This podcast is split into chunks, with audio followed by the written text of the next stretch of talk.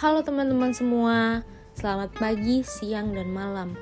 Aku nggak tahu nih, kali ini kalian dengerin podcast aku pagi, siang, atau malam. By the way, apa kabarnya nih kalian semua? Pasti baik-baik aja kan? Gimana selama masa pandemi ini? Kalian udah ngelakuin hal apa aja? Kalau aku sih masih berdiam aja di rumah dan melakukan segala kegiatan hanya dari rumah apalagi saat ini pemerintah lagi menerapkan PPKM untuk wilayah Jawa dan Bali. Oh iya, di podcast aku yang kedua ini, aku mau membahas mengenai topik yang nggak beda jauh dari podcast aku yang pertama sebelumnya. Kalian pernah dengar nggak nih apa itu wisata budaya? Sebelum kita bahas lebih jauh lagi mengenai wisata budaya, Izinkan aku memperkenalkan diriku terlebih dahulu. Nama aku Aliani Sautami. Aku merupakan mahasiswi dari Sekolah Tinggi Pariwisata Trisakti, jurusan Usaha Perjalanan Wisata atau yang lebih dikenal dengan jurusan UPW. Tujuan aku membuat podcast kali ini adalah untuk memenuhi ujian akhir semester pada mata kuliah Digital Tourism. Nah, daripada berlama-lama, Yuk, mari kita bahas apa sih wisata budaya itu. Eh, tapi sebelumnya aku mau jelasin terlebih dahulu nih mengenai pariwisata. Nah, sebenarnya apa sih pariwisata itu? Nah, secara umum pengertian pariwisata adalah serangkaian kegiatan dan aktivitas perjalanan yang dilakukan oleh manusia, baik perorangan maupun berkelompok, dari satu tempat ke tempat lain secara sementara dengan tujuan untuk mendapatkan keseimbangan, kedamaian, ketenangan, keserasian, dan kebahagiaan jiwa.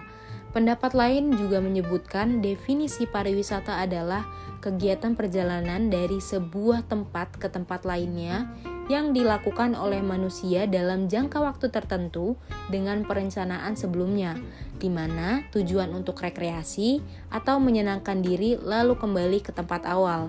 Nah, kira-kira apa sih unsur yang mendorong di dalam industri pariwisata itu sendiri? Nah, unsur-unsur uh, yang mendorong dalam industri pariwisata tersendiri itu adalah yang pertama ada biro perjalanan. Nah, Biro perjalanan ini merupakan badan usaha di mana melayani semua proses perjalanan pariwisata dari berangkat sampai kembali pulang, yang sehingga wisatawan mendapatkan kenyamanan selama perjalanan wisata. Selanjutnya ada akomodasi. Nah, akomodasi ini merupakan tempat untuk tinggal sementara atau lebih sering disebut dengan tempat menginap banyak sekali pilihan menginap saat melakukan perjalanan wisata ini. Misalnya tempat tersebut seperti hotel, perkemahan, motel, dan lain-lain. Selanjutnya ada transportasi. Nah, transportasi merupakan industri pariwisata yang menyediakan jasa angkutan. Jasa transportasi ini mulai dari angkutan darat, laut, juga udara. Pengelolaan jasa angkutan ini banyak sekali mulai dikelola oleh pihak swasta sampai pemerintah. Jasa ini sangat berpengaruh bagi bidang pariwisata karena dapat mempermudah untuk mencapai tempat tujuan wisata. Saat ini banyak sekali jasa-jasa yang ditawarkan terutama dengan harga yang sangat terjangkau. Selanjutnya ada jasa boga dan restoran.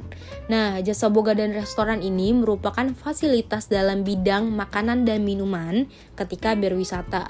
Saat ini, industri jasa boga dan restoran dalam pariwisata sangat menguntungkan karena dalam setiap wisatawan pasti selalu membutuhkan makanan dan minuman sehingga mereka pasti membelinya serta ingin mencoba berbagai jenis makanan maupun minuman di daerah setempat.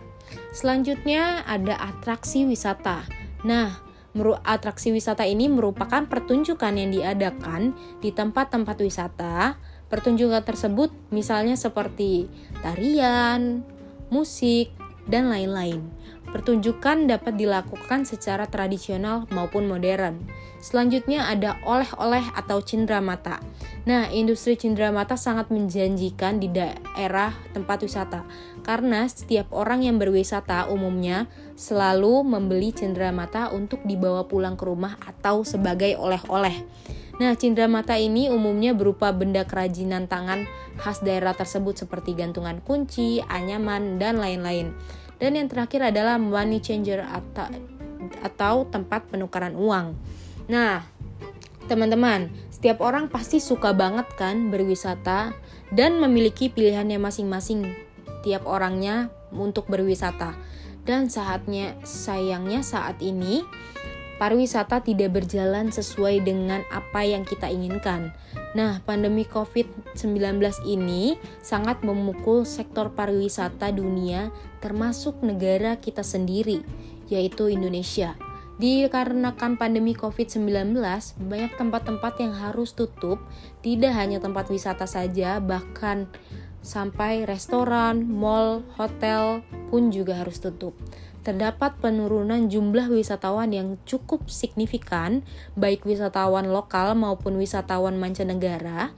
Total kunjungan wisatawan mancanegara ke Indonesia pada tahun 2020 sebesar 4,2 juta kunjungan.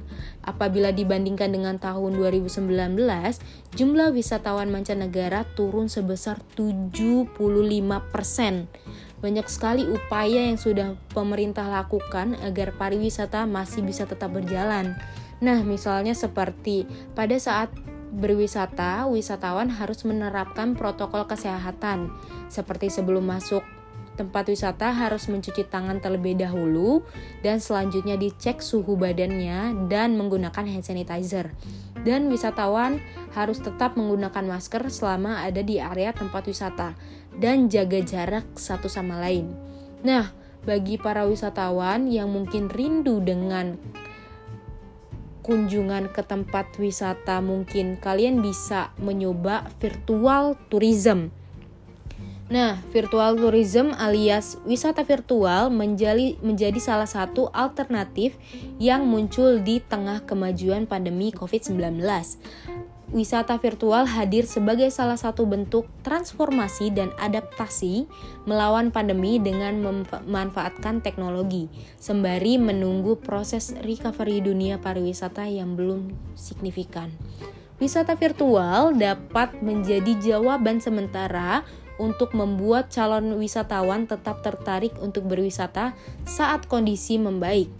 Konten dalam wisata virtual ini pun sangat beragam, mulai dari panorama alam, museum, pentas, dan pagelaran seni, budaya adat, hingga suasana kehidupan metropolitan Indonesia yang tersedia dalam bentuk gambar dan video. Nah, harapannya keberadaan tur wisata virtual ini dapat membuat calon wisatawan merasa seperti berada di destinasi wisata di mana mereka inginkan. Hal ini sama saja dengan menawarkan pengalaman coba sebelum membeli, yang dapat mendorong rasa ingin berkepergian. Nah, banyak banget loh jenis-jenis wisata yang bisa kita nikmati, seperti wisata bahari, wisata cagar alam, dan wisata budaya. Nah, seperti pada topik kita kali ini, kita akan membahas mengenai apa sih wisata budaya itu dan kira-kira apa saja yang bisa kita lakukan apabila kita melakukan wisata budaya. Nah, pengertian dari wisata budaya itu sendiri adalah kegiatan perjalanan yang dilakukan oleh seorang atau kelompok dengan mengunjungi tempat tertentu untuk tujuan rekreasi, pengembangan pribadi, atau mempelajari daya tarik budaya dengan memanfaatkan potensi budaya dari tempat yang dikunjungi tersebut. Nah, budaya merupakan elemen pariwisata yang paling menarik minat wisatawan terutama wisatawan mancanegara untuk datang ke Indonesia. Perkembangan industri pariwisata dapat merangsang perkembangan kebudayaan karena disengaja atau tidak kebudayaan akan terus berkembang. Nah, pariwisata budaya merupakan jenis kegiatan pariwisata yang dikembangkan di suatu daerah yang memiliki daya tarik budaya yang khas dan unik sebagai objek wisata. Selain itu, wisatawan juga dapat mengetahui dan mempelajari pola perilaku sosial warga masyarakat, adat istiadat, kebiasaan, serta warisan seni budaya lainnya. Dengan kata lain, wisata budaya memiliki objek dan daya tarik budaya berupa warisan sejarah, purbakala, dan seni yang memiliki keunikan dan kekhasan sosial budaya dan warisan purbakala yang tiada duanya. Nah, tujuan dari wisata budaya itu apa sih? Nah, tujuan dari wisata budaya adalah kita dapat melestarikan alam, lingkungan, dan sumber daya. Kita dapat memajukan kebudayaan, mengangkat citra bangsa, memperkukuh jati diri dan kesatuan bangsa, dan yang terakhir mempererat persahabatan antar bangsa. Nah, banyak banget wisata budaya yang bisa kunjungi di Indonesia dan pastinya memiliki ciri khas masing-masing di setiap tempatnya. Salah satu tempat wisata budaya yang sangat terkenal adalah Candi Borobudur. Nah, Candi Borobudur ini dibangun pada abad 8 dan 9 sekitar 800 Masehi pada masa pemerintahan dinasti Sailendra. Nah, Candi Borobudur ini merupakan candi terbesar di dunia. Candi Borobudur ini terletak di Magelang, Jawa Tengah Nah, tidak hanya kaya dengan nilai sejarah, tetapi juga memiliki pesona keindahan arsitektur yang khas bergaya Candi Buddha. Nah, selanjutnya ada juga wisata budaya yang tak kalah menarik dari Candi Borobudur, yaitu Desa Werebo. Desa Werebo ini terletak di Flores, yang terletak pada ketinggian 1200 meter di atas permukaan laut ini layak dijadikan sebagai surga yang berada di atas awan. Perlu perjuangan untuk bisa mencapainya, namun apa yang kita dapat ketika sampai di lokasi sebanding dengan perjalanan yang dilalui. Nah, pemandangan alam berupa gunung-gunung berpadu dengan tujuh rumah adat berbentuk kerucut akan memberi kesan tersendiri bagi setiap pengunjung yang pernah datang ke desa Wairbo. Untuk sampai ke lokasi memang tidak mudah, karena letaknya di atas gunung, perlu tenaga ekstra untuk melakukan perjalanan kaki selama kurang lebih 3 sampai 4 jam. Tergantung kondisi fisik karena trekking menuju Desa Werebo mendaki sejauh 7 km. Desa Werebo saya sebut sebagai desa terindah di Indonesia. Dan desa ini sama sekali tak ada sinyal HP Nah, di Desa Wairebo ini dari sisi pariwisata sangat dikelola dengan sangat baik karena desa ini didampingi dan diberikan bimbingan tentang pariwisata oleh Indonesia Ecotourism Network. Untuk fasilitas di Desa Dange, ada sebuah homestay yang bisa digunakan untuk menginap tak jauh dari homestay ada pusat informasi dan perpustakaan. Saat tiba di Desa Werebo, Anda bisa menumpang di rumah adat milik masyarakat setempat jika ingin menginap. Dari si da, di sini tidak ada homestay atau penginapan khusus karena hanya terdiri tujuh rumah adat di Desa Werbo. Selain pemandangannya yang sangat indah, kita akan disambut dengan keramahan penduduknya saat tiba di Desa Werbo. Di sini kita dapat jumpai rumah adat yang hanya terdiri dari tujuh buah di mana telah bertahan selama 19 generasi. Hal ini pula menjadikan daya tarik para wisatawan, khususnya dari mancanegara, mereka umumnya penasaran ingin melihat langsung rumah adat yang disebut dengan Mbaru Niang ini. Terbuat dari kayu dengan atap dari ilalang dan dianyam. Bentuk Mbaru Niang ini mengerucut ke atas sebuah arsitektural tradisional yang sangat unik Tujuh Mbarunyang ini berkumpul di lahan luas yang hijau dan dihiasi bukit-bukit indah di sekitarnya. Hawa masih sangat sejuk dan dikelilingi hutan. Desa Wairebo merupakan sebuah tempat bersejarah sehingga menjadi situs warisan budaya dunia oleh UNESCO pada tahun 2012 lalu. Bagaimana nih setelah mendengar penjelasan yang ada di atas? Apakah kalian niat berniat untuk mengunjungi wisata budaya setelah pandemik ini? Misalnya seperti mengunjungi Werebo dan banyak-banyak lagi wisata budaya yang bisa kita kunjungi. Nah, sekian dulu ya podcast dari aku kali ini. Untuk kalian semua, jangan lupa ya pakai maskernya dan Jangan lupa untuk cuci tangan dan mandi setelah keluar dari mana pun, dan jangan lupa untuk selalu mengikuti protokol kesehatan yang ada.